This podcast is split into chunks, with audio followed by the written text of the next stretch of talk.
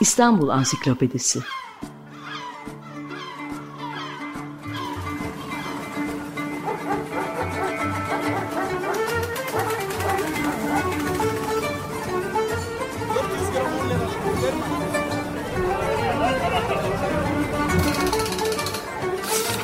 İnsanlar, olaylar, mekanlar, gelenekler ve ihtiyaçlar üzerinden şehrin tarihinden sayfalar.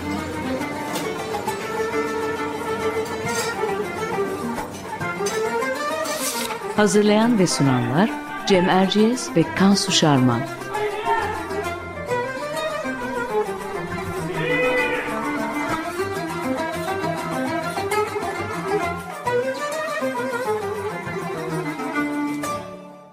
Merhabalar, Cem Erciyes ben. Açık Radyo'da Kansu Şarman'la birlikte hazırladığımız İstanbul Ansiklopedisi'nin yeni bir programındayız. Bu haftaki konumuz İstanbul'un geleneksel müziği. Konuğumuz ise klasik Türk müziği sanatçısı ve araştırmacısı Gönül Paçacı Tunçay. Hoş geldiniz Gönül Hanım. Hoş geldiniz. Hoş bulduk. Hoş bulduk. Merhaba. Şimdi programa Münir Nurettin Selçuk'un e, güzel bir şarkısıyla girdik. Aziz İstanbul diye konu konumuza uygun olduğu için. E, şimdi biz her hafta olduğu gibi Kansu ile kısacık bir giriş yapalım. Ondan sonra sözü konuğumuz e, Gönül Hanım'a bırakacağız. E, İstanbul'un e, müziği elbette kentin geniş tarihi ve barındırdığı kültürel çeşitliliğin de bir ürünü. Pek çok dilde ve türde İstanbul şarkıları var. Biz bugün biraz daha bu kültürel bilişimin sonuçlarından birisi olan Gönül Hanım'ın da e, önde gelen uzmanlarından birisi olduğu klasik Türk müziğine odaklanacağız. E, anlat, bizim şimdi söyleyeceklerimiz de tabii ki Gönül Paçacı'nın Büyük İstanbul Tarihi ansiklopedik sitesindeki yazısından yararlanarak derlediğimiz bazı bilgiler. Bir iki cümleyle bu bilgileri özetleyecek olursam, geleneksel müziğin kaynaklarını Osmanlı öncesi farklı uygarlıklardan ve coğrafyalardan almakla birlikte yerleşik kurallarını İstanbul'un fethinden sonra oluşturduğunu söyleyebiliriz diye başlayabilirim söze. Osmanlı'nın yenileşme dönemleri olan 19. yüzyıl, Tanzimat ve daha sonra 2. Meşrutiyet dönemlerinin Türk müziği üzerinde önemli üslup ve tarz farklılaşmaları yarattığı biliniyor. Müzik zevkinde de batı etkisinin görüldüğü bu dönemde geleneksel müzik, Zekai Dede, Hacı Arif, Şevki ve Rahmi Beyler, Tamburi Ali Efendi, Tamburi Cemil ve Udi Nevres Bey gibi müzisyenler eliyle halka ulaşmayı sürdürmüş. Bu müziğin arka planında her zaman tabii ki kültürlerin de kesişme noktası olan İstanbul varmış.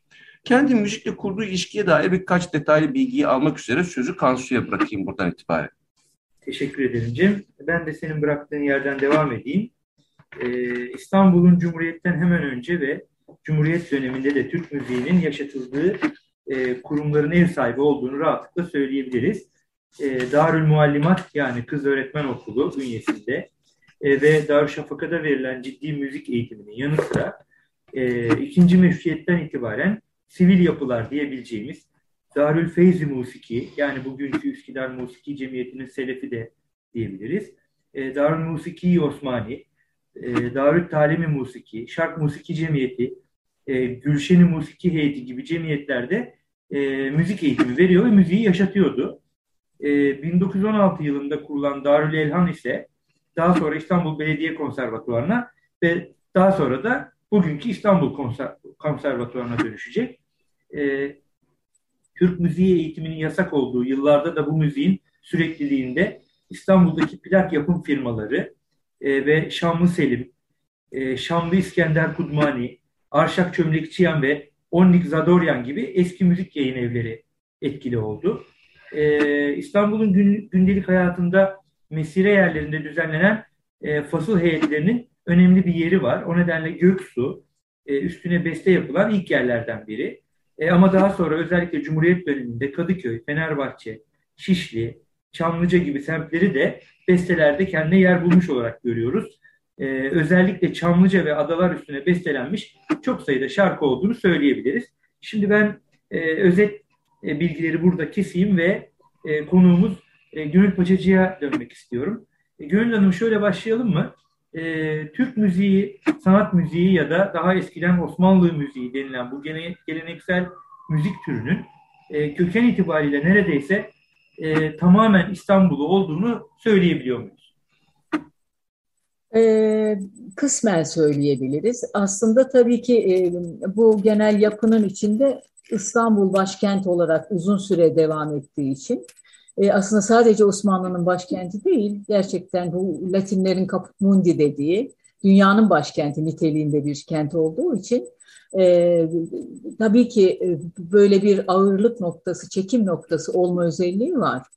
E, ama tabii bu bu müzik geleneği içinde klasik örneklerin verildiği farklı coğrafya yani ne, ne diyelim mesela Diyarbakır'la Seyyid, Seyyid Nuh diye bir zat var. Yani İstanbul'a gelmemiş olan e, civar e, şehirlerden, Anadolu'dan, e, işte Osmanlı hinterlandındaki başka şehirlerden mesela bugün adı bile değişmiş olan Siroz diye geçen Serez diye bir e, şimdi Yunanistan sınırları içinde bir yer var.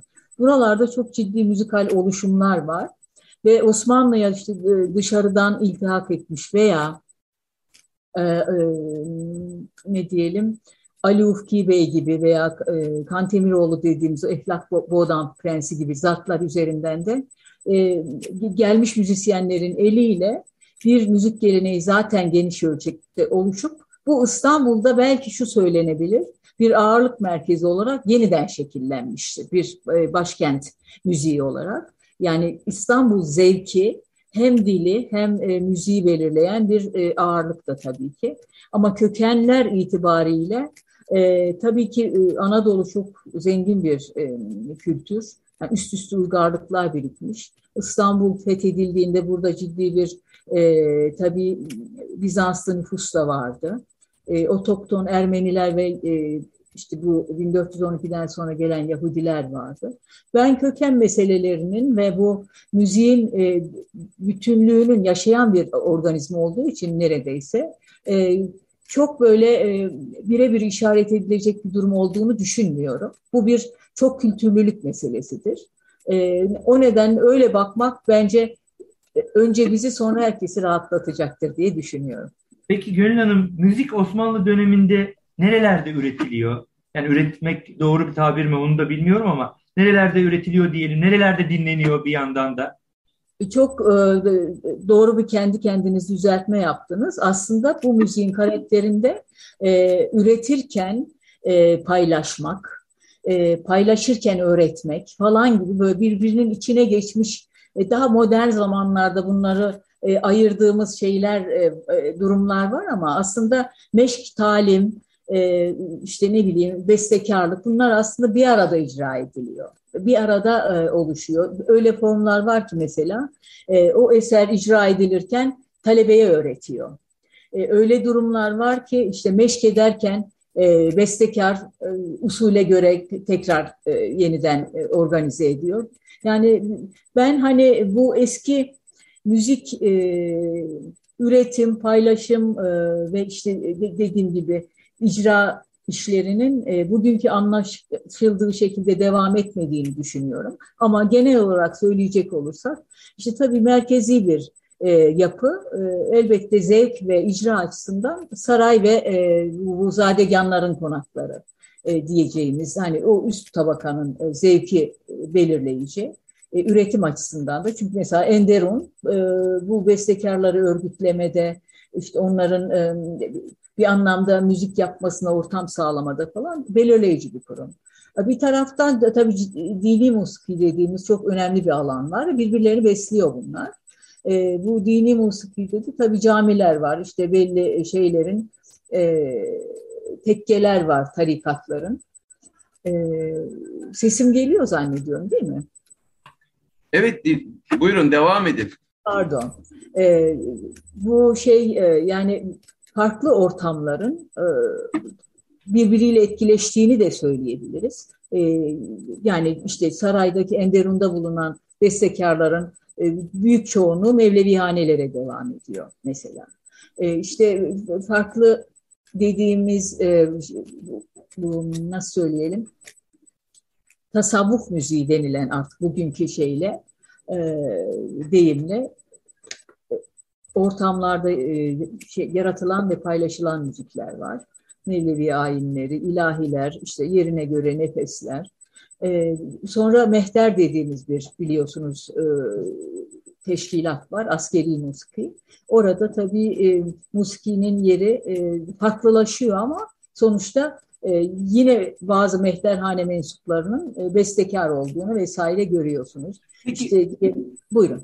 Peki Gönül Hanım, e, Enderon'dan bahsettik, konaklardan bahsettik. Çok yaygın bir kanaati de sormadan edemeyeceğim çok kısaca. Yani sadece üst sınıfların e, dinlediği e, ve e, kendi aralarında geliştirdikleri bir müzik e, mi, e, klasik Türk müziği, e, yoksa daha yaygın, sandığımızdan çok daha yaygın mı? E, ben sandığımızdan çok daha yaygın olduğunu düşünüyorum. Ama tabii ki birbirleriyle etkileşim halinde işte diyelim e, Farsça güfte kullanan, büyük formlarda verilmiş olan eserlerin e, İstanbul'un bir arka mahallesinde hemen karşılık bulabildiğini söylemek zor. Yani bazı eserler daha yüksek kültür ürünleri ve o çevrelerde paylaşıyor, paylaşılıyor. Ama yani sadece e, Müslümanları vesaire de düşünmemek lazım. İşte kiliselerde çok ciddi makamlı müzikler var, havralarda var.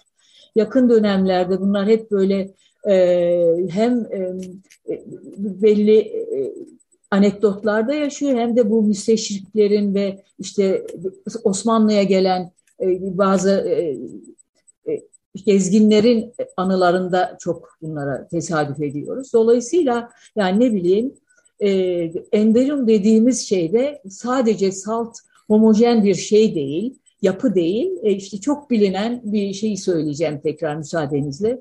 Dede Efendi diye bugün herkesin aklına klasik bestekar diye gelen Dede Efendi aslında bir Rumelili göçmen ailenin çocuğu. Yani o nedenle de işte bulunduğu ortamlara göre o çok verimli olduğu için hemen aklıma geldi. İşte Rumeli türküleri evet. de Köçekçeler de bestelemiş ama Mevlevi ayini de var. Öteki taraftan saraya intisap ettiğinde de büyük formda eserler yapmış. Şarkıları var. Yani bu şey e, çok bugünkü algılarımızla ve modern düşüncenin klasifikasyonuyla geçmişe bakınca böyle sorular oluşuyor. Anlamak biraz daha güç tabii.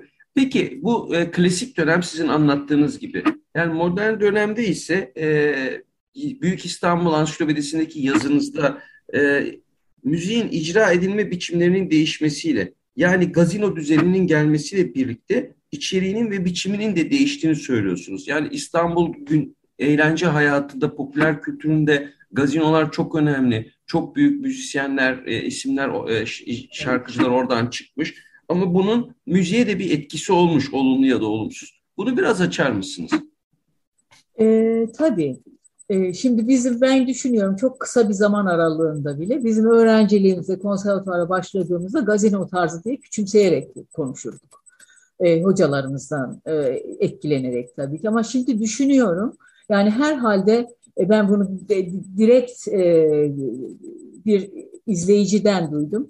E, Selahattin Pınar'ın e, gazinoya çıkıp elinde tek tamburuyla al gönlümü ayine manadır bu diye bir yürük semayı okuduğunu duyduğunu söylüyordu bir büyüğüm. Dolayısıyla bugünden baktığımda da o gazino kavramının içinde bile bir değişkenliğin olduğunu. Yani bu popüler kültür gerçekten e, ezip geçiyor ve hakikaten bu değişimin çok hızlandığı zamanlardayız. Ama e, elbette yani e, daha eski dönemlere bakarsak yani e, İstanbul'un e, o dönemki folklorik müziği bile hani bu e, paylaşılsın, icra edilsin, sahnede çalınsın diye yapılmıyordu. Yani diyelim Ali Ufki'de e, işte bildiğimiz bir e, şey var. Çok okunan hmm, evet. şey diyor. Üsküdar'dan gelir kayıt, Sultan İbrahim'e layık işte falan diye giden bir şey. Şimdi oradaki müziği düşünüyorsunuz. Hani bu bir durum tespiti aslında. Şehir kültürü, şehir folkloru.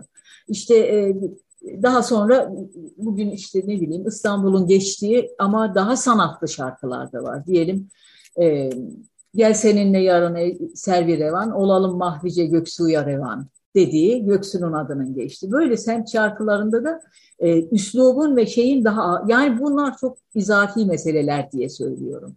Gazino dediğimiz şeyde elbette İstanbul halkının o e, toplumsal e, değişimlerle birlikte daha böyle sosyal hayat çeşitlenip açık toplum modeline geçildikten sonra öyle diyelim E, ve ilerleyen zamanlarda çok hoş çıkarımlar da yapılabilir. Sadece yazılı malzemeye bile bakarak. İşte açık söyleyelim toplu mekanlarda kadın erkek bir arada bulunmaya başladıktan sonra bile çok e, değişimler e, yaşıyor bu müzik ortamı. Dolayısıyla e, hem müzik repertuarının yayılması bağlamında hem de müziğin paylaşılması ve e, ne diyelim bir ortak kültürel hafıza oluşması bağlamında tabii ki müziğin çok önemi var ve çok belirleyici bir yeri var. Zihinsel olarak bile mesela ben hep şeyi düşünmüşümdür. E, gazinolarda bizim çocukluğumuzda da hani bir as solist kavramı vardır değil mi? O as solist her zaman için bugün bile nereden öyle bir kültür yok ama hemen akla değil mi klasik müziği getirir. Alaturka'yı yani dönem değişiyle. Yani mesela böyle toplumsal bilinçaltını etkileyecek şeyler de yaşanmıştır. Ama bu, bu işin bu kısmı tabii ki biraz sosyologları ilgilendiriyor. Biz müzisyenler olarak hele söz konusu klasik müzik olunca gazino deyince kaşlarımızı çatmakla mükellefiz. Gönül Hanım şuradan e, biraz önce aslında siz e, küçük de bir girişte yaptığınız örnekler verirken İstanbul üzerine pek çok şarkı bestelenmiş. E, İstanbul'un bestekarları ve o şarkıları seslendirenleri cezbeden yanı nedir? Neden bu kent üzerine şarkılar bu kadar rağbet görmüş? Tabii buna bağlı olarak birazcık da en çok hangi semtlerden bahsediyorlar? Kimler hangi şarkıları bestelemiş üzerine birkaç örnek de alırsak çok güzel olur. Evet, e, yani tabii ki İstanbul e, bugün bile nereden bakarsanız bakın e, vazgeçilemeyen bir kent. Yani vazgeçilemiyor, vazgeçemiyoruz. E, her zaman sürprizleri var. Yani ben bunu hep şey yani ne kadar dış dünyada değişiklik olursa olsun mimari değişsin hava, e, iklim, e, ahali yine de bir e, kültürel derinlemesine zenginlik olmasına bağlıyorum. Yani işte bakıyorsunuz bir metro istasyonu kazısında e, tarihimiz bir, bir, bir iki bir sene geriye gidebiliyor. Yani dolayısıyla bunun aslında farkında olmadan hepimize yansıdığı ve e, hepimizde bir zenginlik duygusunu ve bir e, vazgeçilmezliği tetiklediğini söyleyebilirim. Yani ben kendi adıma böyle hissediyorum. Ne kadar bunu alsam bile İstanbul yani benim kendime ait hissettiğim, var olduğumu hissettiğim ve e, hiç tanımasam da geçmişte yaşadığını bildiğim bestekarların, müzisyenlerin şehri vazgeçilmez benim için de. Şimdi işin bu duygusal tarafı e, ama tabii belirli semtlerinde e, simgesel şeyleri var yani e, değerleri var. Tabii bu e, işte belli yerlerde bu sosyalleşmeyle birlikte işte diyelim Beykoz Çayırı'nda, Yoğurtçu Çayırı'nda, Fenerbahçe'de açık yerlerde müzikler de yapılıyor. Hatta teknolojiyle birlikte bu insanların pikniğe giderken yanlarında gramofonlarını taşıdığını görüyorsunuz.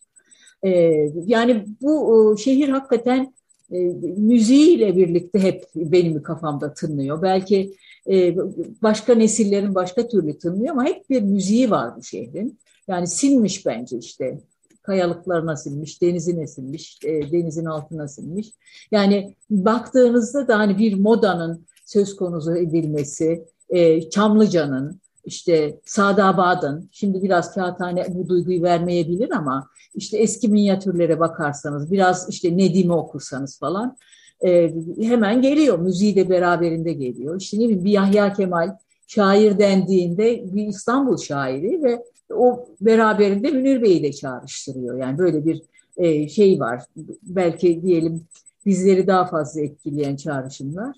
Ama tabii ki çok açıdan okumak lazım. Ben bir yerden sonra hani işte Çamlıca yolunda, Aşığı kolunda yerine şey olarak, e, çağrışım olarak başka şeylerle ilgileniyorum. Diyelim geçen gün bir eski yazı notada şeyi gördüm.